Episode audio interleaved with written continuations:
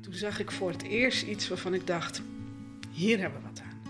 Weet je dat nog? Dat was een van je workshops waarop je een soort van nou ja, recept uit een kookboek Oh. gaf met de acht beroemde vragen. Ja, weet je ja. En ik was vooral verbaasd om ehm, dat ik zag dat mensen zo ongelooflijk hard werkten met zo weinig resultaat. Ja. Ja, en, nou, ik kan me heel goed voorstellen, als dit nieuw voor je is, dat je echt denkt, huh, waar gaat dit over? Ik ben er onmiddellijk energie van.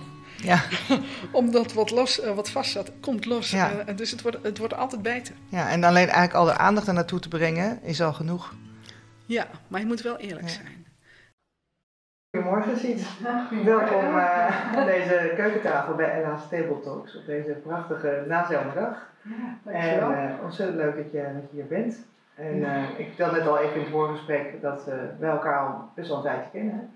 Een paar jaar geleden kwam ik eh, per ongeluk door een collega op, jou op de workshop terecht, eh, de workshop Raken Vragen, waar deze podcast over gaat. Ja. En ehm, dat was een heel leuke, leuke, leuke workshop. En daar eh, nou, kreeg ik eigenlijk de eerste insights met wat Raken Vragen zijn. Nou, daar willen we vandaag graag wat meer over eh, weten natuurlijk. En ben er ook al een beetje mee aan de slag gegaan. En, ehm, en toevallig vorige week was ik bij een eh, klant eh, waarbij ik een van jou, of eigenlijk twee van jouw rake vragen heb eh, geïntroduceerd. Waarbij dan de gefronste wenkbrauwen ziet van hm, een oplossing voor dit probleem. Een probleem is dan een oplossing. Nou ja, in ieder geval de verwarring was alom. En, en als je dan de ruimte geeft, hè, want dat zijn ook de, de rake vragen. Datgene wat vastzit, komt in beweging. Maar als je de ruimte geeft en als je aanwezig bent met jezelf, daar ga je straks wat meer over vertellen Ja. dan eh, gebeurt er wat in een, in een groep. En eh, ik vind het heel erg, zelf heel erg interessant, omdat we in, in het westen van, nou, dit, van de wereld eigenlijk zoveel met ons hoofd doen. Mhm. En eh, de rest, het gevoel en het lichaam, vergeten mee te nemen in de informatieverstrekking en eigenlijk ook de oplossing uiteindelijk. Ja. En ehm, nou, jij hebt een boek geschreven, Raak Vragen. En ook in het Engels, Moving Questions, vind ik het eigenlijk nog mooier. Mhm. Eh, en ook in het Spaans heb je het, hè? ja. En in het Deens. Ook in het Deens, Ja. mooi. En ehm, ik heb het gelezen en nog steeds eh, interessant en nog lastig. Omdat het eh, ja, met, met je hoofd wil begrijpen Ja. en wat er eigenlijk staat. Wat er met- verder met je lichaam en gevoel gebeurt. En dat kan je soms eigenlijk helemaal niet. En ik vind het ontzettend interessant en heel leuk om het toepasbaar te maken wat ik al doe. En maar mijn vraag is, ehm, ja, hoe...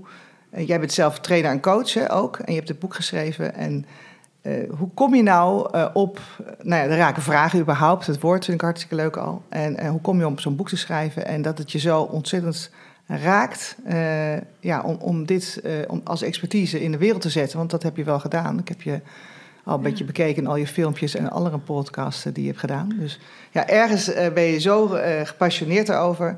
En ik ben nou benieuwd ja, hoe dat nou komt. Waar komt het nou vandaan? Ja, nou, eh goede vraag. En dank je wel voor eh, de uitnodiging om hier te zijn. Ik moet eerlijk zeggen, het verbaast mijzelf ook een beetje. Eh, want toen ik eraan begon, dacht ik, nou weet je, dit is een jaar, twee jaar leuk. En daarna ben ik wel op uitgekeken. Maar inmiddels zijn we, ik denk, een jaar of zeven, acht verder. En nog steeds ontdek ik zelf ook nieuwe dingen die, die hierbij horen, zeg maar. Dus dat is echt heel interessant voor mij. En als ik helemaal terug ga naar het begin, zeg maar aan het begin van mijn loopbaan, ehm, was ik ook al zo verbaasd. En ik was vooral verbaasd om ehm, dat ik zag dat mensen zo ongelooflijk hard werkten met zo weinig resultaat. Ja, wat heb je eerst gedaan? Kan je ons meenemen ja, in ik jouw... heb eerst eh, in de hotelwereld gewerkt. Mhm. Heb ik HR gedaan. En eh, in dat hotel waar ik werkte, moest ik om eh, negen uur beginnen en wij werkten tot half zes. Maar ik ben s'morgens om zeven uur op mijn best en vrijdagmiddag na half drie heb je niks meer aan me. Maar als ik van zeven tot negen werkte, dan telde dat niet als werkuren, want wij, kantoorpersoneel, werkten van negen tot half zes. En dat was eigenlijk voor mij het allereerste begin dat ik dacht, huh, dat is raar. Dus je laat me op vrijdagmiddag blijven terwijl je niks aan me hebt. Ik loop te lummelen en ik maak fouten. En op de momenten dat ik echt eh, aan het vlammen ben, mag ik niet werken. Dus, ehm, en dat bleef ik overal tegenkomen. Ook later toen ik eh, consultant werd. Ehm, heel veel van de problemen waarvoor wij worden ingehuurd, eh, zie je mensen echt hun stinkende best doen. Eh, ze werken zichzelf kapot, ze werken zichzelf ziek, letterlijk. Een burn-out is heel erg lang volhouden op de manier waarop je het altijd gedaan hebt. ja. is ook een vorm van ja, gewoon veel te veel geven zonder dat er eigenlijk iets ontstaat. Dus dat heb ik altijd interessant gevonden. En toen ik in contact kwam met systemisch werken, met organisatieopstellingen om precies te zijn, toen zag ik voor het eerst iets waarvan ik dacht, hier hebben we wat aan. Nou, dus je hebt eerst die opleiding gedaan of ben je Ja. daarin gaan verdiepen? Ja, ik ben eerst begonnen met eh, familieopstellingen, Mhm. want ik had wel een beetje het idee van, volgens mij moet ik daar beginnen als ik straks iets in organisaties wil doen. Eh, daarna heb ik drie keer een opleiding organisatieopstellingen gedaan, omdat ik dacht, er valt nog meer te weten. Ze hebben me maar een stukje gegeven. En, ehm, en dat hielp enorm om drie keer een, een vergelijkbare opleiding te doen, omdat ik daardoor heel goed mijn eigen stem kon ontwikkelen. En, en niet iedereen weet wat dat is, hè? organisatieopstellingen en familieopstellingen. En eh, kan je daar iets meer over vertellen voor de mensen die het nog nooit van hebben gehoord? Ja, een opstelling is eigenlijk een methode om te onderzoeken hoe de verborgen verbindingen tussen eh, mensen en delen liggen. En dus een deel kan bijvoorbeeld zijn eh, een team in een organisatie. Of een product kan ook een deel zijn. Eh, een functie kan een deel zijn. Maar je hebt ook collega's, mensen, personen. Dus die kun je via een bepaalde methode eh, kun je zichtbaar maken hoe die zich onderling verhouden. En dan uit, als je getraind bent, kun je uit die onder, onderliggende verhoudingen uitlezen waar het eigenlijk vastzit. Waar de natuurlijke flow eigenlijk belemmerd wordt. En Mhm. interventie is dan eigenlijk die verhoudingen, een suggestie doen voor nieuwe verhoudingen. En dan kun je eigenlijk testen, oh ja, als, ik, als de verhoudingen zo zouden zijn, gaat het me dan beter of gaat het me dan slechter? Ja, en jij zegt verborgen. Hè? En hoe heb je daar al een idee bij hoe dat dan komt dat mensen in een organisatie verborgen zijn of dat de dingen verborgen worden, blijven?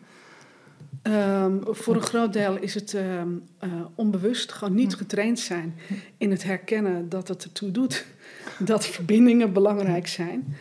Ehm, ehm, voor mijzelf geldt bijvoorbeeld dat ik ehm, heel goed geleerd heb om dingen alleen te kunnen doen.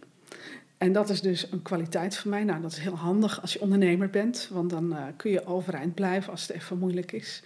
En bij dat goed leren dat je dingen alleen kunt doen, zit ook eh, eh, lef en er zit initiatief en er zit creativiteit. Dus er komt een hele package aan, aan eh, ehm, kwaliteiten, in ieder geval in mijn geval, komt er mee die ik goed kan inzetten in de manier waarop ik eh, werk. Ehm, de schaduwzijde is dat toen ik jonger was, in mijn twintiger jaren, en daar nog helemaal geen bewustzijn op had dat ik, dat, dat bij mij hoorde. Eh, als ik dan ergens in dienst kwam eh, en er was een inwerkprogramma, onboarding heet het tegenwoordig, dan was altijd het inwerkprogramma was net afgelopen. Of het was vol, of het werd herzien. Of, eh, er was altijd een reden waarom eh, ik niet ingewerkt werd. Zelfs tot op het moment dat ik ergens personeelsmanager werd en ik vroeg aan de directeur, ik zei, goh, wat, wat doet een personeelsmanager hier er- eigenlijk? En toen zei hij, ja, dat weet ik ook niet. Hier zijn je sleutels en hier is een telefoon, ga het maar uitzoeken. en ik was, nou, wat was ik, half twintig. En eh, veel mensen zouden dan paniek hebben en denken, oeh, hoe moet dat? Ik vond het fantastisch. Ik dacht, oh, ik ga mijn eigen gang. Nou, dat kan omdat, je, omdat ik al heel jong in mijn leven geleerd heb dat ik een aantal dingen zelf moet doen, dat er geen hulp beschikbaar is. Dus dat is een verbinding uit mijn vroege jeugd die steeds terugkomt in mijn volwassen leven. In het begin eh, wist ik het niet, kon ik het niet hanteren. Nu heb ik er bewustzijn op en nu kan ik het hanteren en zet ik het in. En hoe bedoel je, kan je het hanteren? Wat, hoe bedoel je daar anders mee dan toen je het nog niet bewust van was? Ja, dus toen ik niet bewust was, eh, vertaalde het zich ook naar eenzaamheid.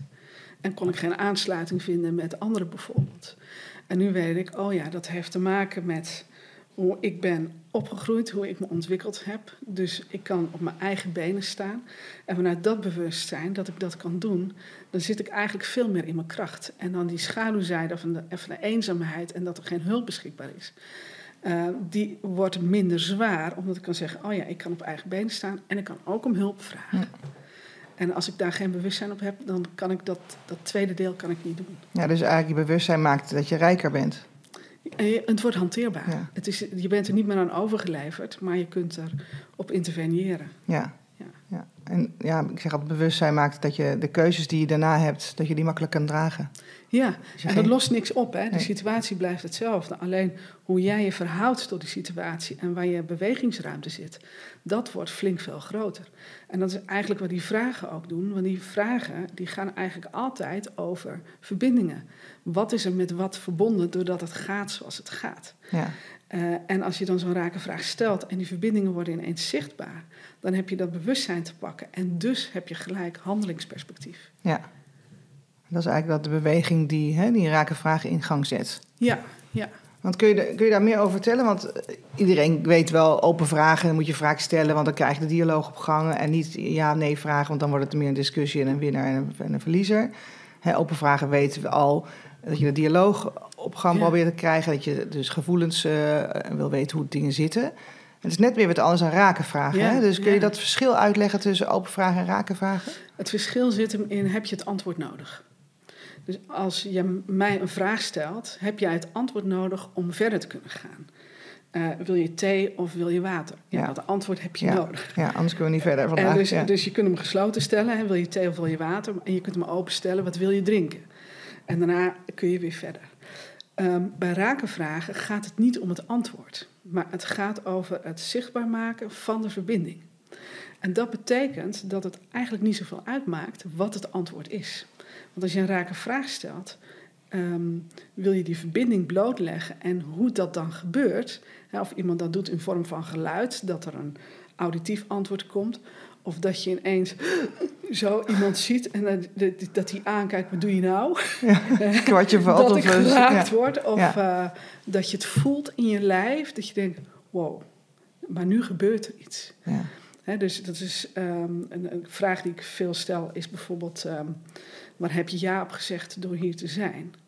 En als mensen, eh, is, is, is vaak zo, hé, wat een rare vraag. En dan komt die even binnen en dan zie je al, bij wijze van spreken, een soort van antwoord door het lichaam reis. Dat is het interessante stuk. Ja. En wat er daarna gezegd wordt, ja, dat is dan vooral beleefdheid. Maar dat je dan zo het kunt voelen in je lichaam. En dat je dan voelt, oh ja, ik ben verbonden met dat stuk wat voor mij zo belangrijk is. En dan staat hij even aan. En dan loopt het gelijk lekker goed. Ja. Het is eigenlijk heel Ja, makkelijk. Ja, ja. want toen ik op jouw workshop was, toen kregen we een soort... Want hier zitten een heleboel mooie vragen in, hè? echt Ja. fantastisch. En er zijn een aantal categorieën waar je op aan kan sluiten. Daar kunnen we misschien straks nog even over hebben. Maar Ja. jij zei, ik heb ook een soort eh, recept. Weet je dat nog? Dat was een van je workshops waarop je een soort van...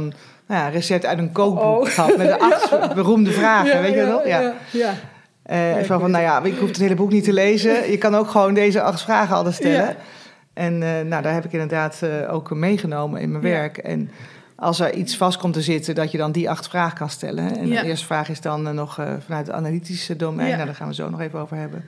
Hè, waar gaat het hier echt over?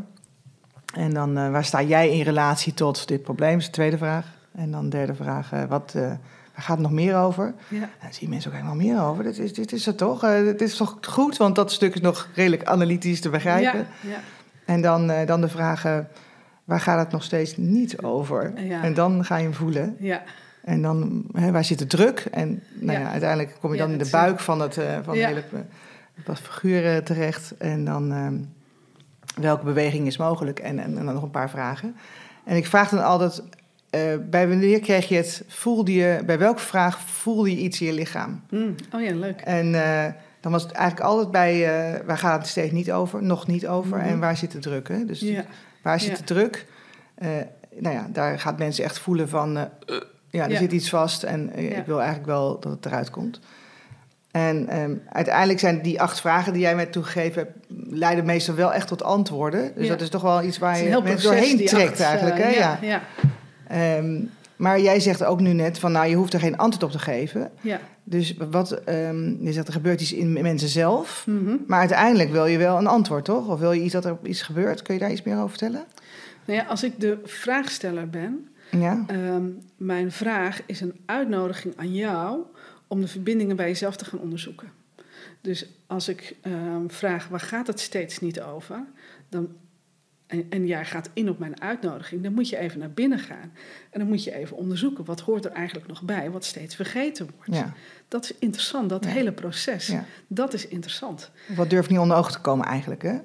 Ja, of wat wordt er per ongeluk vergeten? Hè? Het durven is nog, dat, dat, eh, het is nog gekoppeld aan moed, maar het kan ook gewoon echt per ongeluk zijn dat het, eh, dat het geen onderdeel van het gesprek is. Dus ehm, dat wat jij van binnen doet, dat zoeken van, hé, hey, waar gaat het? Stel dat ik nou antwoord moet geven op die vraag. Dat is een interessant gebeuren. Het kan ook zijn dat je denkt, ja, ik heb dat onderzoekje gedaan. Ik, ik zou het niet weten. Nee. Ja, is ook goed, Oh. weet je. Dus we zijn in elk geval compleet. Dat weten we, dat het compleet is. Ehm, en nu hebben we het over een vraag die je hardop stelt. Maar het is ook een vraag die interessant is om in je gedachten te houden. Wij werken beide als consultants. Uh, nou, je kent het wel. Je hebt zo'n briefing van een opdrachtgever of je, je zit in een acquisitiegesprek. En zij vertellen jou precies hoe hun wereld in elkaar zit, wat een probleem is en dan wat er ook nog vaak wat er nodig is om het probleem op te lossen. Of soms mag je daar zelf iets op verzinnen. Ja. Ik luister als ik zo'n briefing heb of een acquisitie altijd met deze vraag in mijn achterhoofd. Wat vertellen ze me vooral en waar gaat het niet over wat ik wel zou verwachten? En dan mijn. Dus zo kijk je naar, naar het gesprek, naar het verhaal. Zo ben ik aanwezig in dat gesprek. En dan wat er mijn mond uitkomt, is gevoed door dat zoektochtje. Wat ik gedaan heb naar waar gaat het hier steeds niet over. Ik had het uh, van de week, ik was met iemand in gesprek. Um, die had in coronatijd heel wat heftige dingen meegemaakt. Die werkte in een ziekenhuis. En een manager was het. En ze vertelde over hoe spannend het was. Over de druk, over de medewerkers. Over alles sprak ze, behalve over de patiënten. Hm. Oh, je denkt je, oh, ja, goh. Ja, en dan kan ik, hè, dit was gewoon informeel, dus ik heb er niks mee gedaan. Ik heb het alleen genoteerd in mijn hoofd. Ik dacht, ja, zo gaat het dus. Als de druk zo hoog wordt, dan verlies je dus heel gemakkelijk uit het oog uh, waar het eigenlijk over gaat. Ja. Uh, als dit een coaching was geweest en haar coachvraag had iets te maken gehad met uh, ik ben ontevreden of ik, ben, hè, ik, ik heb geen plezier meer in mijn werk of wat dan ook, dan had ik mogelijk het gegeven dat dat ze de patiënten uit oog verloren was, had ik mogelijk ingebracht. Dus had ik misschien ooit gevraagd van waar heb je ooit ja gezegd, op gezegd door in het ziekenhuis dit werk te gaan doen.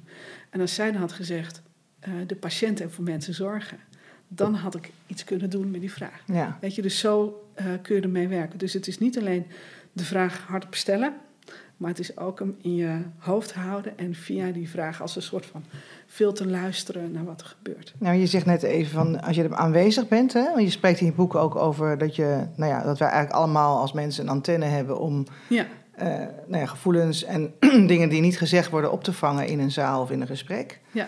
Uh, maar dat lichaam, dat, die antenne moet wel aanstaan. Als je die antenne niet aan hebt staan, dan, uh, dan wordt er niks opgevangen, logisch. Ja. ja. dus wat, wat is het dan, want aanwezig zijn dat begrijpt iedereen van, ik ben, ik ben toch aanwezig? Ik zit hier toch? Ik ben toch aanwezig? Nee, dat is iets anders, hè? Dat echt aanwezig zijn. Kan je daar iets meer over vertellen? Wat, je daar, wat jij daarbij bedoelt, ook in je boek? Ja. ja, dus in het boek heb ik het over kwaliteit van aanwezigheid. En dat betekent, ik doe even één stap terug. Wij leren um, in onze opvoeding en in ons onderwijs en ook in onze westerse cultuur uh, om heel goed ons te richten op resultaat. En we kunnen ontzettend goed gefocust zijn op resultaat. Als je resultaten haalt, krijg je applaus. Als je resultaten wilt, krijg je ook applaus. Dus ik ben hier, ik wil daar naartoe en dan de beste weg daar naartoe. Daar zijn we ontzettend goed op ontwikkeld. We hebben heel veel tools, methodes, uh, heel veel wetenschappelijke bewijzen wat dan wel en uh, wat dan niet werkt. Dus daar hebben we hele zware nadruk op gehad eigenlijk al vrij lang, sinds mhm. het begin van de industriële revolutie. Hoe kunnen we zo snel mogelijk, zo goedkoop mogelijk en zo goed mogelijk produceren? Ja, efficiëntie en controle. Hè? Huppatee, ja. gaan. en uh, dan word je flink omgewaardeerd. Alle onze managementsystemen zijn op die manier ingericht. Dus het, het nadenken, de objectiviteit, de wetenschap is uh, superbelangrijk. En met dat we dat zo belangrijk hebben gemaakt, zijn we eigenlijk het andere vorm van vergeten, uh, hebben we een beetje links laten liggen. En die andere vorm die hanteert een hele andere logica. Uh, ik heb het ontdekt via het systemisch werken. Ik denk hè, in heel veel religieuze tradities wordt er ook gebruik van gemaakt. In mindfulness, in, in allerlei andere kennisgebieden, zeg maar. En dat gaat over um, dat wat ook bestaat, maar wat je niet via je hoofd weet, maar via je lichaam weet. Dus je ontmoet iemand en een beetje instinctief wordt het vaak genoemd. Je weet of iemand te vertrouwen is. Deugt hij of deugt hij niet? Of als je naar iemand luistert en dat je denkt, ja, ik word gewoon echt een beetje ongemakkelijk hiervan. En dat zit dan nog niet eens op de inhoud. Of als je in een vergadering bent en je bent fris en fruitig en ineens krijg je hoofdpijn. Ik had het, ik had het gisteren, ik was met een directie aan het werk en er kwam een externe spreker. En die persoon die begint te praten en echt ter plek, joh. Ik word zo slaperig.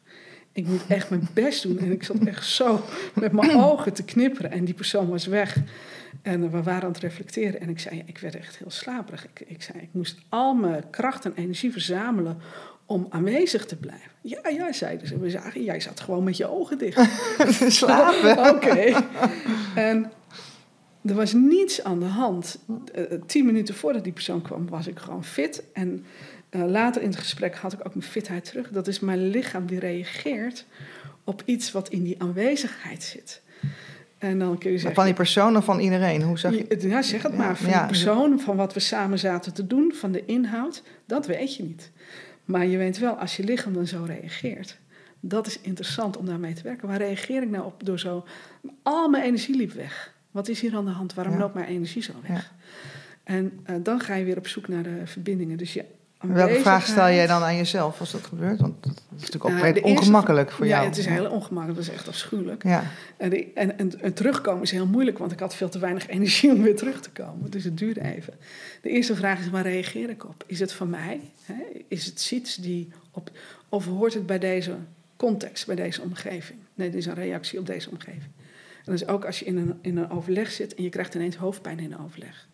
Als je paracetamol neemt, dan neem je aan dat het van jou is. Neem je een chemische oplossing. Maar je zou ook kunnen aannemen, ik wacht eventjes, misschien reageer ik ergens op. In welk verhaal is het logisch om hoofdpijn te produceren als symptoom? Als iets dat zegt, let op, er is hier iets aan de hand. Uh, ik uh, werd slaperig, ik liep helemaal leeg. Oh ja, waarom loop ik hier leeg? Dus mijn vraag in het gesprek was, hoeveel mensen lopen leeg op dit project? Ja, en toen hadden we een heel ander gesprek. Toen was het even stil. En dan voel je zo, het is ook pijnlijk. Dat was, dat was nadat die man weg was, toch? Of nee, dat was in het gesprek. Nog. Oh, nog steeds, bij dat die was persoon in het, erbij. In ja. het gesprek. Hoeveel mensen lopen leeg op dit project? En, en, en als tegenhanger, wie krijg je de energie van? Maar eigenlijk krijgt niemand er energie van. Oké. En dan als ik zo'n vraag stel en je voelt het in je lichaam... Dan kun je smoesjes verzinnen in je hoofd. Maar die smoesjes brengen je niet echt verder. Het is veel krachtiger om dan te zeggen: ja, eigenlijk lopen we er allemaal op leeg. Oké, zullen we dan even hebben over wat we hier zitten te doen en wat we anders kunnen regelen om te zorgen dat het energie geeft. Ja. Dus zo is je lichaam heel erg belangrijk, want die kan je niet voor de gek houden. Als je eenmaal voelt dat er zoveel mensen zijn die leeglopen, ja, dan is alles, alles smoesjes is gewoon volstrekte flauwekul. Ja, ja. ja. Het was wel heel gênant hoor, voor mij. Ja, ik kan me voorstellen, ja. Ja, want uh, ik heb ook wel eens dat ik ergens opeens heel warm krijg. En dan denk ik van, waarom krijg ik nou warm? Eerst dacht ja. ik de overgang. Nou, dat zal het ook wel zijn. Maar ik, ik zie nu dat ik dan iets opvang... Uh, wat in die zaal gebeurt, wat ze moeilijk vinden om te bespreken. En dan word ik dus rood. Dan denk ik, hallo, waarom krijg ik dit nou? Want ik pak dan iets op wat ja, twee mensen niet tegen elkaar durven te zeggen. Ja. Ja, dus dan gebruik je echt je lichaam als antenne voor die informatie. Dat die twee mensen het niet tegen elkaar durven te zeggen. En dan registreer je dat en dan zeg je: hé, hey, welke interventie kan ik doen om dit uh, expliciet te maken? Ja. En dan zeg je niet: oh, ik krijg het warm, dus uh, er is hier iets. nee, je gebruikt het als informatie. En dan vertaal je het naar iets dat acceptabel is en dat uh, zinvol is. Ja, want acceptabel is wel een goede. Want waarom is het acceptabel? Wat ik uit je boek haal, is dat als je dus echt geen oordeel hebt, hè, want zo'n vraag van um, wie loopt hierop leeg of wie krijgt ja. er energie van, uh, mag in die zin niet um, besmet zijn door wat jij er eigenlijk van vindt. Hè? Dus die, die eigen, je eigen uh, mening erover, of uh, misschien toch wel een oordeel, ja. wat je ziet gebeuren, mag je eigenlijk parkeren. Want helemaal geen oordeel, dat kan niet. We hebben allemaal oordelen, anders zouden we misschien niet helemaal overleven. Maar ergens parkeer je oordeel en zet je er iets anders voor in de plaats om toch die open ruimte te creëren. Ja, nou, als ik zo'n vraag stel, uh, boeit het me niet wat het antwoord is. Mijn enige wens is om de vraag te stellen. Dus mijn doel ja. is, stel ik die vraag. Ja. En stel ik die vraag op zo'n manier dat elk antwoord even acceptabel ja, is. Dus dat is, daarom zit, bedoel ik met geen oordeel. Want anders als iemand oordeel zouden voelen in de manier waarop je de vraag stelt van wie krijgt hij nou energie van? En dat is toch anders dan ja.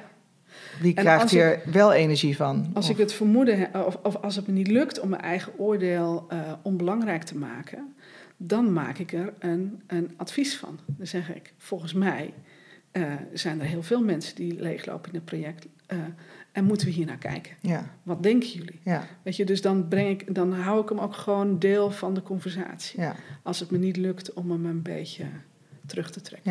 Ja. En dat voel je gewoon aan, ook weer, van Ja. wel of niet. Ja. De vraag stellen of ik maak er een advies van. Ja. En hè, als ik zeg, eh, eh, zijn er nog meer mensen die hier leeglopen op dit project? En iemand zegt, hoe durf je dat te vragen? Hè, bij wijze van spreken. Mhm. Dus iemand reageert op het vermeende oordeel dat erin zit. Dan denk ik alleen maar, wow, dat is interessant. Ik doe een uitnodiging en als antwoord krijg ik een aanval. En dan in mijn hoofd gaat het gelijk, wat moet er beschermd worden? ja, Dat een aanval ja. een goede reden is om eh, te op antwoorden. een oplossing weer is hè, voor een probleem. Ja, ja. En dan, eh, dus, eh, dan zeg ik, ja, ik weet het ook niet. Ik stel alleen maar een vraag. ik geef geen mening, ik stel een vraag. Ja, en in je, in je boek heb je het over twee soorten brein. Hè? Het analytische brein en het systemische brein. Ik begon er al even over.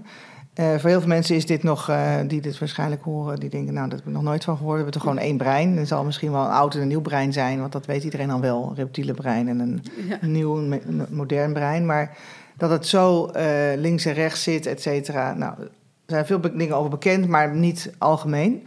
Zou je wat meer kunnen vertellen over die twee, hoe die twee breinen met elkaar samenwerken? Zoals je dat in je boek Ja. beschrijft. Dus het analytische brein, dat is het, het, het, het soort denken wat je hebt als je zo graag dat resultaat wil bereiken. En als je eh, zegt, ik wil precies weten hoe de vork in de steel zit.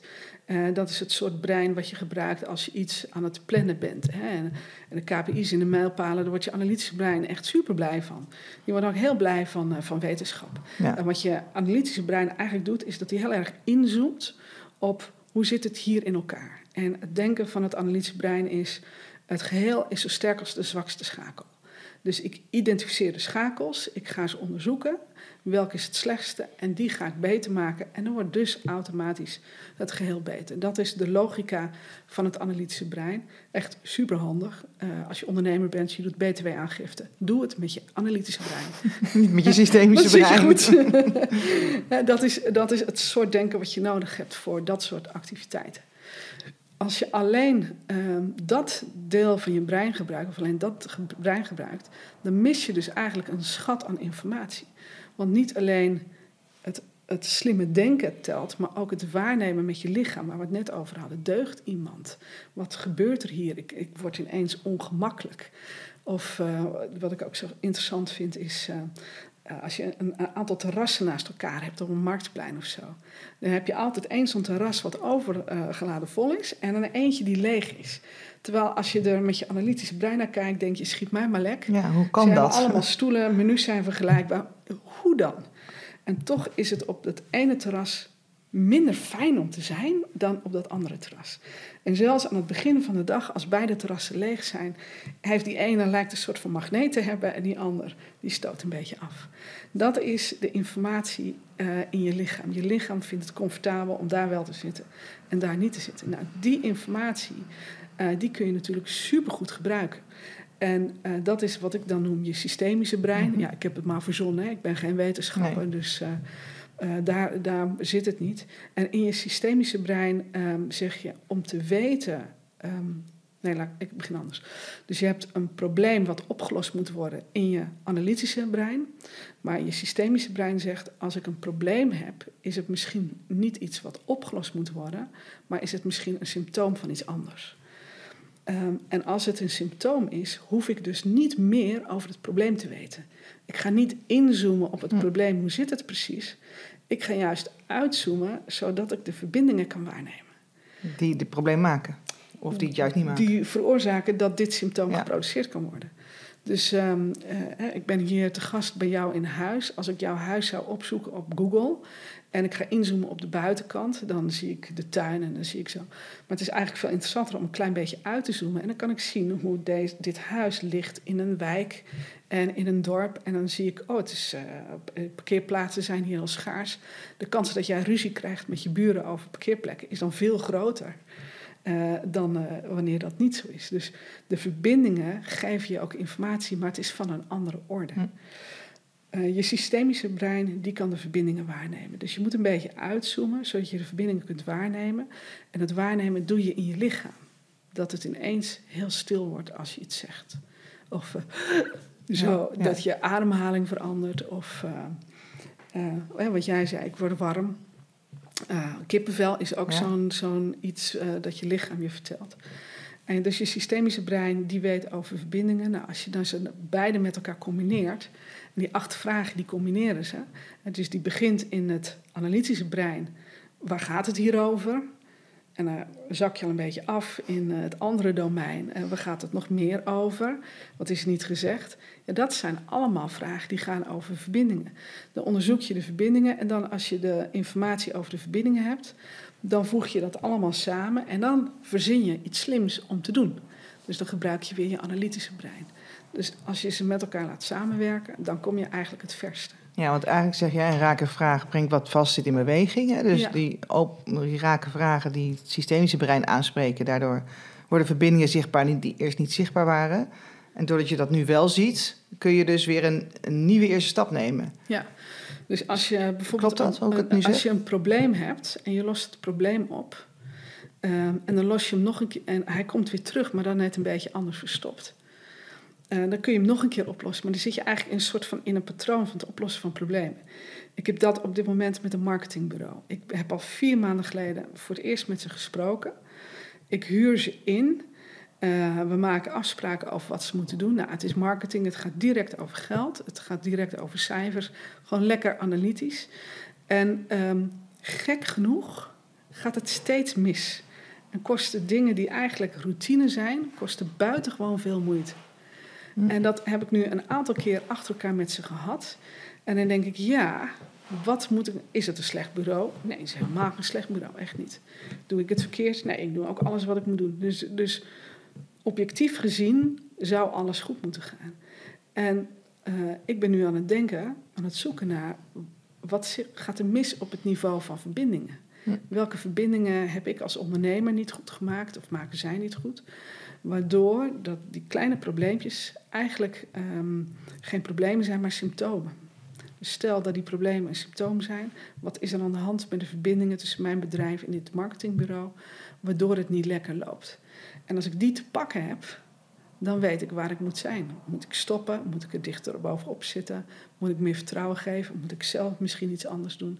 En dan kan het goed gaan. Ja, dus je zegt eigenlijk problemen zijn symptomen. En, uh, Soms zijn problemen symptomen. Ja, dus, dus een beroemde vraag die ik dan vorige week inderdaad stelde in, bij mij in, bij een klant was: uh, waar is deze, dit probleem een oplossing voor? Ja. En dat is natuurlijk heel verwarrend nog steeds. Um, ja. Dus dat is een symptoom en daar zit eigenlijk iets onder. Uh, namelijk de verbindingen tussen mensen die nog niet helemaal kloppen. Waardoor ze dus dit in stand houden. En dit is dus eigenlijk een oplossing. Ja. Tijdelijk, want je hoopt niet dat het zo blijft. Ja. Ja. Uh, en dat is wat eigenlijk wat er dus gebeurt. Ja. En um, waar, waarom denk je dat mensen dat uiteindelijk kwijtraken? Want jij zegt net ook van ja, we zijn niet zo opgevoed en ook niet in onze, uh, in onze cultuur zit het niet. En al heel lang geleden is dat begonnen. Maar kinderen kunnen nog wel, hè, als ze geboren zijn, kunnen ze alleen maar voelen. Maar ze kunnen nog niet praten. Ja. Ze kunnen niet echt heel erg denken. Dus dat hersenen moeten nog ontwikkeld worden. Ja. Dus in het begin zijn kinderen wel heel goed aangesloten op het voelen. Ja. En ergens raken we het dus kwijt. Ja, we leren het ze heel snel af. Want op de kleuterschool wordt er al... Uh begonnen met meten of ze wel genoeg letters kennen. Ja. ja. In plaats van uh, een kind helemaal lekker zich comfortabel in het lijf laten voelen en, uh, en, en, en, stil zitten, netjes zitten. Bij, mij, uh, bij mijn jongste dochter in de school hangen regels. Wij zitten stil, wij praten niet door elkaar. Nou, ja, ja, ja, ja, ja. ja, dus het is best lastig om, om dit concept om dat weer terug te brengen in, in, nou ja, bij volwassenen hè, die dit al heel lang kwijt zijn. Nou, ik denk eigenlijk juist niet. Ik denk dat we enorm uh, in een tijdsframe zitten. Waarin we met elkaar voelen zoals we, als we meer doen van wat we al gedaan hebben, uh, komen we niet vooruit. Sterker nog, als we meer doen van wat we al gedaan hebben, breken we onszelf af. He, we, we, putten de aarde uit, ja. we putten onszelf uit, we putten onze relaties uit. Dus nog meer of het nog beter doen gaat ons echt niet meer vooruit helpen. Dat voelen we allemaal wel aan. Uh, het moeilijke is alleen, aanvaarden van de systemische logica vraagt dat je eventjes zegt: Oh ja, ik weet dat deze er is, die analytische, en dat deze, maar de manier waarop in het systemisch denken iets belangrijk en waar is, is totaal anders dan in analytisch. En ben je bereid om jezelf een beetje te openen en iets toe te voegen. En dat betekent niet dat het analytische fout is, het betekent dat het iets anders is. Dus je krijgt eigenlijk een enorme bron aan mogelijkheden en informatie bij, maar het vraagt dat je bereid bent om toe te laten dat er ook nog een ander soort van logica is. Ja, precies. En, en, en dat die bereidheid, wat ik zie zeker in organisaties, die ontstaat als mensen soort van aan het einde van hun mediorschap zitten. Dus als ze beginnen te voelen, als ik nog meer van hetzelfde doe, kom ik dan verder? Moet ik me specialiseren? Moet ik nog meer uren maken? Moet ik bij de concurrent gaan werken? Dan blijft het eigenlijk hetzelfde. Dus je ziet het in organisaties wanneer mensen interesse beginnen te krijgen voor de context. En dat is echt een moment dat een soort van, uh, onaardig gezegd, rijpheid is om ook deze kennis toe te voegen. En dat zie je op individueel niveau, dat zie je in organisaties. En je ziet het nu ook in onze maatschappij. Ja, maar er is ook nog wel heel veel tegenwerking, hè? want het oude moet wel goed beschermd worden. De efficiëntie, controle, dat is nog heel sterk. En als je het anders wil, dan ben je toch nog wel een beetje roepen in de woestijn. Hè? In bepaalde bedrijven nog zeker. Ja. Dus, dus daarom zeg ik ook van de bereidheid, dat is één, denk ik, heel belangrijk. Maar ook toch wel het lef om dat te doen. Want ik heb dat dan vorige week weer ingebracht bij een klant. Maar ik vond het best wel spannend. Want ja. Dan zie je de verwarring. En ik wil juist geen verwarring scheppen, maar helderheid hè, voor die klant. Maar dan denk ik, ja, ik, dit is toch, deze vraag moet ik toch gaan stellen. En het was gekomen uit dag één, dus ik kon er al even over nadenken. En ik begon dag twee met deze vraag. Eerst te schetsen wat ze hadden aangegeven en daarna zeggen waar is dit een oplossing voor. Dus er is ook uh, lef voor nodig ehm, om dit wel, wat jij zegt, toe te laten als kennis op dat, dat stuk wat we al honderden jaren uh, doen met elkaar. Ja, en, en het lef is er automatisch als je voelt dat je het hier niet meer redt. Als je het in een analytisch domein, als je denkt van ja, geloof ik nou echt dat dit zoden aan de dijk zet? Nee, eigenlijk niet echt. Er is echt iets anders nodig. Dan heb je gewoon, dan ben je op dat punt en dan is eigenlijk alles wat je doet is interessant. En dan komt het op je vakmanschap, op je authenticiteit, op je integriteit uh, terecht. Uh, en als je het niet kunt doen in de vorm van rake vragen, omdat zo'n vraag echt te moeilijk is om te stellen, of je denkt, deze mensen kunnen deze vraag niet aan, om welke reden dan ook, dan kun je wel die kennis gebruiken in je eigen hoofd om je eigen denkproces te voeden en er iets anders uit te laten komen. Ja, ja snap ik. Ja. Je zegt, ja. Want kijk, want ik doe, ik doe dan als consultant uh, een, een trainer, coach. Maar er zijn, wat ik ook tegen mijn leidinggevende zeg, dit kan je dus ook gebruiken in hè, gesprekken met je, leiding, met je, met je medewerkers. Uh, maar dat is best heel, heel lastig om dit toe te laten. Dus de, om de bereidheid en de lef om andere soort vragen te stellen dan, uh, ja. dan ze normaal stellen. maar jij zegt eigenlijk van ja, er komt wel een, een punt waarop mensen dat vanzelf gaan doen. En ik ben dan nog bezig met ja, hoe kan je dat nou faciliteren dat mensen het durven te gaan doen. Want het is wel een soort brug, oh ja. te, vind ik. Die dat is natuurlijk het briljante aan vragen. Stel je stelt zo'n vraag en het valt in dorre aarde. Ja, zou kunnen. Ja. ja. dat zou kunnen. Theoretisch zou het kunnen. En dan kijk je iemand aan en zeg je heel vrolijk... mensen, het was maar een vraag. Hè? Ja. Sorry voor deze zes seconden van je leven. Als het niet werkt, gaan we gewoon iets anders doen. Ja, het is maar een vraag. Dus dat is zo mooi. Want als je, als je echt een mooie rake vraag maakt... is het een uitnodiging. En dan kan iemand hem aanvaarden of niet. En als hij hem niet aanvaardt, dan doe je gewoon iets anders. Ja. Wat ik zelf heel vaak merk, um, twee dingen. Uh, het eerste is, uh, ik weet niet precies wat er gebeurt nadat ik een vraag gesteld heb. Dus wat ik vaak meemaak is dat zo'n vraag gewoon nog even blijft echoen.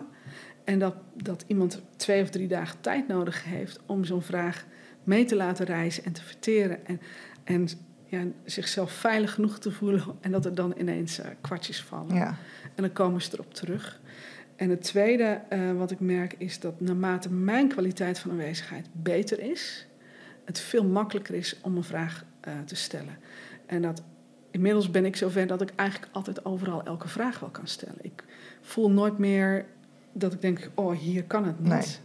Um, dus het zit ook in wat ik doe met mezelf, wat jij doet met jezelf als je zo'n vraag stelt. Dus als je komt uit zo'n kwaliteit van aanwezigheid, van oeh, kan het wel, kan het wel, ja. Dan stuur je met je uitnodiging, let op, het is hier wel spannend mee. en dan is dat ook waar een ander op gaat reageren. En als, het, als je helemaal hier bent en je kwaliteit van aanwezigheid is mijn geschenk aan jou, is dat ik jou deze vraag geef, dat ik de moed heb om dit te doen, dat ik me verdiept heb in deze kennis en me de techniek heb aangemaakt. Dit is mijn geschenk aan jou, je mag ermee doen wat je wilt. Ja. Eh, je hoeft hem niet te beantwoorden. Je mag ook boos op mij worden en je mag ook janken. Maakt me echt, echt niet uit. Ja, je mag ook wachten. Ik bedoel, ik heb ook even gewacht met die vraag te stellen. Want ik hoorde dat de eerste Ja. dag. En toen dacht ik, oké, hier wil ik wel wat mee, maar wat dan? En Ja. s'avonds ging ik erover nadenken. En toen dacht ik, nou, volgende ochtend, Ja. ik, ik eh, zet hem even weer neer. Dus je was eigenlijk tussen dat moment van het idee en dat je de vraag stelde, vooral bezig met je eigen kwaliteit van aanwezigheid. Hoe kan ik deze Ja. vraag stellen? Ja, hoe kan ik het dragen? ja, ja eigenlijk. precies. Ja. En dan, dan wordt het wat. Ja, ja. dus dat was heel leuk. En, ik, en zeker wat jij zegt klopt, daar hebben ze zeker nog eh, wat langer over nagedacht. Ik heb ook een foto van de flap gemaakt en in de presentatie als een recap van het training meegestuurd. Dat is nog even zo van, weet je nog, we hebben deze vragen beantwoord. Ja, En het, eh, het probleem kwam ook uit een survey. Niet alleen iemand, één iemand had het gezegd, dus ik zei, jij hebt het gezegd. Maar het kwam ook uit de survey die gedaan is. Dus dat je met elkaar eigenlijk deelt. En dat Ja. niet alleen maar van één iemand was, want dat was ook wel belangrijk. Dat het een Ja, al geheel gedragen gevoel is in zo'n groep. ja. En bij raak vraag is, is dus één deel is de vraag die je stelt, een ander deel is je kwaliteit van aanwezigheid. En een derde deel is wat jij nu eh, inbrengt, dat is ook de systemen die reageren.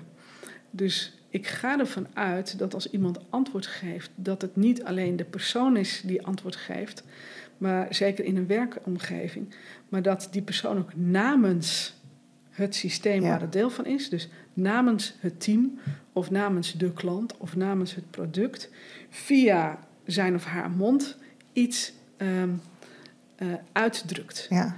Dus voor mij is het echt nooit persoonlijk. Het, kana- het kanaal hè, waarbij het naar buiten kon ja, komen. Ja, Ja. en dat, dus die persoon was eventjes de spreekbuis Ja. voor iets anders. Dus stel dat we niet naar Henk luisteren, maar dat we luisteren naar het systeem van dit team. Wat zegt dit team dan? En zeker als je met een team werkt, je herkent het heel snel. Want er als je dat zegt, zitten ze allemaal te knikken. Ja, Van, ja, dat, ja, dat klopt. Het gaat helemaal niet over Henk, weet je zo. Weet je gelijk dat je dan bent. Dus het, het zijn drie elementen. Het is de vraag, het is je kwaliteit van aanwezigheid. Maar ook weten dat, eh, dat, je, via een, dat je naar een systeem luistert. Ja. Ja. precies.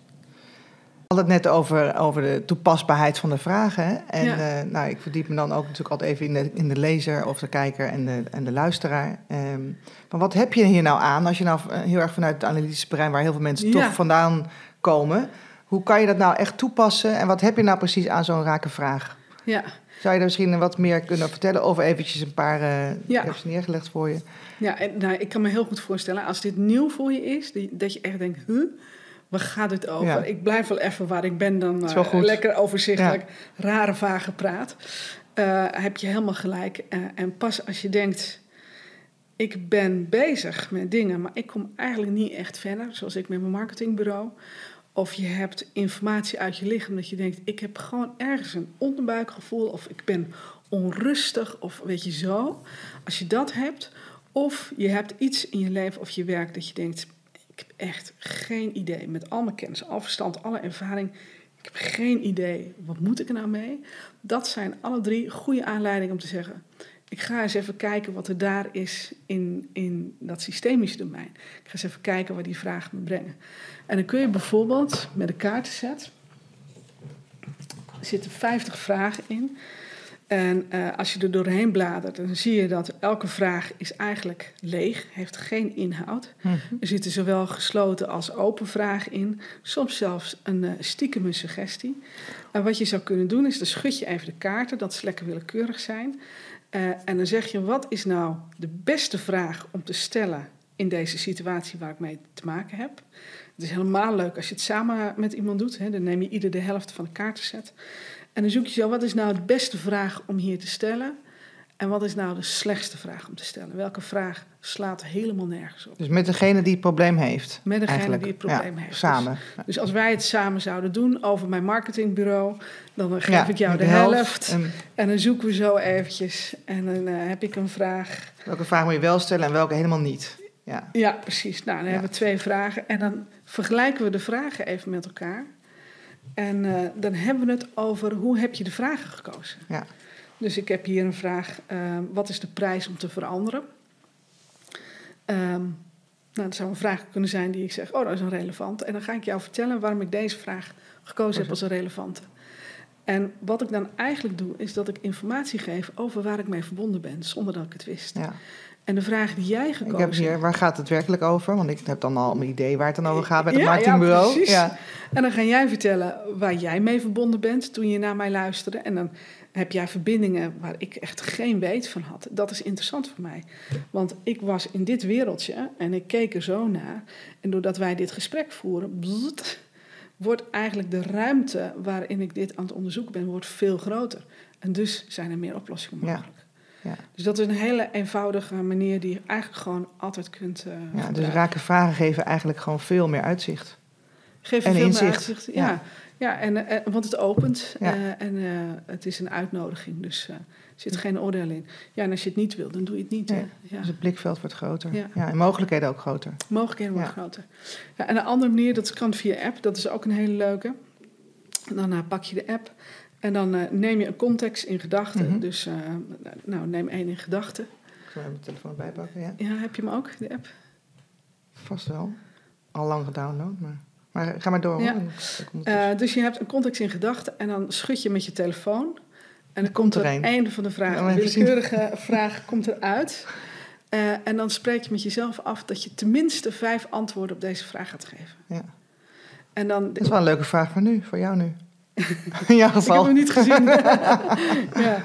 Ja. Dus eh, de eerste vraag, dat is het meest voor de hand liggende antwoord. Maar als je met jezelf afspreekt, ik moet vijf antwoorden geven, dan ga je zoeken op andere lagen en ga je zoeken wat is er nog meer waar, wat ik eigenlijk eerder nog niet bewust was. Ja, ja. Dus dat is een andere hele makkelijke manier om met een vraag te werken. ja, dus de tip is eigenlijk, als er een probleem is, dat je samen met die persoon met wie je dat probleem hebt, of in een team, dat je deze oefening zoals dit eh, nu doet. Ja. Is er nog een ander idee voor iemand die net hiermee wil beginnen en vindt het heel interessant, gaat misschien een boek kopen en dat lezen en die wil er best wel een keertje mee experimenteren in het sturen van zijn team of eh, medewerkers, eh, eh, zeg maar een jaarlijkse gesprek wat ze normaal met medewerkers Ja, hebben, om dat ja. ook in te brengen behalve de format die er al is. Ja.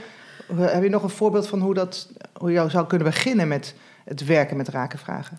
Ja, dus in het boek staan heel veel vragen en ook combinaties van vragen. Dus die acht, die staan er ook in. Er staan nog een aantal andere combinaties in. Dus die kun je altijd gebruiken. Ehm, je kunt ook, ik zit nog even te denken, je zei bij een probleem, eh, als het een probleem is, gewoon recht toe recht aan, moet je gewoon eerst analytisch oplossen. Als je denkt, dit is misschien niet een probleem, maar een symptoom, dan wordt dit Ja, interessant. dus het- dat is een groot eh, verschil. Dat is echt een belangrijk verschil. Ja. En hoe weet je dat het sym- symptomatisch is of het echt een probleem is? Hoe weet je dat? Doordat het zich herhaalt. Dus je, dus je komt niet echt verder, zoals ik Ja. met mijn marketingbureau. Eh, je hebt een onderbuikgevoel of je hebt geen idee wat je moet doen... terwijl je eigenlijk best wel slim en ervaren bent. Ja, Dus een van die drie, dat is een indicator om te zeggen... het is een eh, symptoom. Ja. Dan is het waarschijnlijk een symptoom. Het voorbeeld wat je geeft als je met je medewerker in een eh, functioneringsgesprek zit. Prachtige vraag. Begin het gesprek met waar heb je ja op gezegd door hier te zijn. En dat hier, dat kan zijn in deze functie, in dit gesprek, in dit team, bij deze organisatie. Dat laat je expres in het midden. Ja. En dan zegt iemand, ik heb ja gezegd op deze baan, want ik kreeg groeikansen. En dan weet je dat de belangrijkste verbinding op dat moment die met de baan is. Dus als jij wil gaan zitten sleutelen aan die baan, aan die functie, dan krijg je daar weerstand op, Ja. want het doet ertoe voor die persoon. Ja. Maar als iemand zegt, ja, ik geloof zo in waar wij mee bezig zijn als organisatie, dan voel je gelijk, oh, die functie is minder belangrijk, dus daar zit automatisch al meer bewegingsruimte in. Dus waar heb je ja op gezegd door hier te zijn? Die helpt iemand om die allereerste verbinding die er was, zich weer te herinneren. Dus dan staat hij als het ware weer een beetje aan. Ja. Eh, je kunt hem ook met je partner doen. Dus waar heb je ja, als je een partner hebt, hè, waar heb je ja op gezegd toen je ja zei op deze partner? Bij mijn man, ik kreeg knikkende knieën van hem. en ik was 15, hij was 16. En eh, het is toen niks geworden. En, maar toen ik 30 was, kreeg ik weer knikkende knieën van hem. En er is één man in mijn leven van wie ik knikkende knieën kreeg. En dan, je ziet het misschien al aan mijn gezicht. Als ik daaraan denk, dan voel ik het ook weer hoe dat was. En dan doet het er nog toe. Er zit er nog potentieel, er zit er nog energie. Maar als je je ja niet meer kunt herinneren, waarom was ik eigenlijk ook weer bij deze partner? Dan voel je gelijk, oh ja, dan wordt het een heel ander verhaal. Ja. Als je je jaar nog kunt herinneren en het doet er nog toe, dan heb je dus nog potentieel.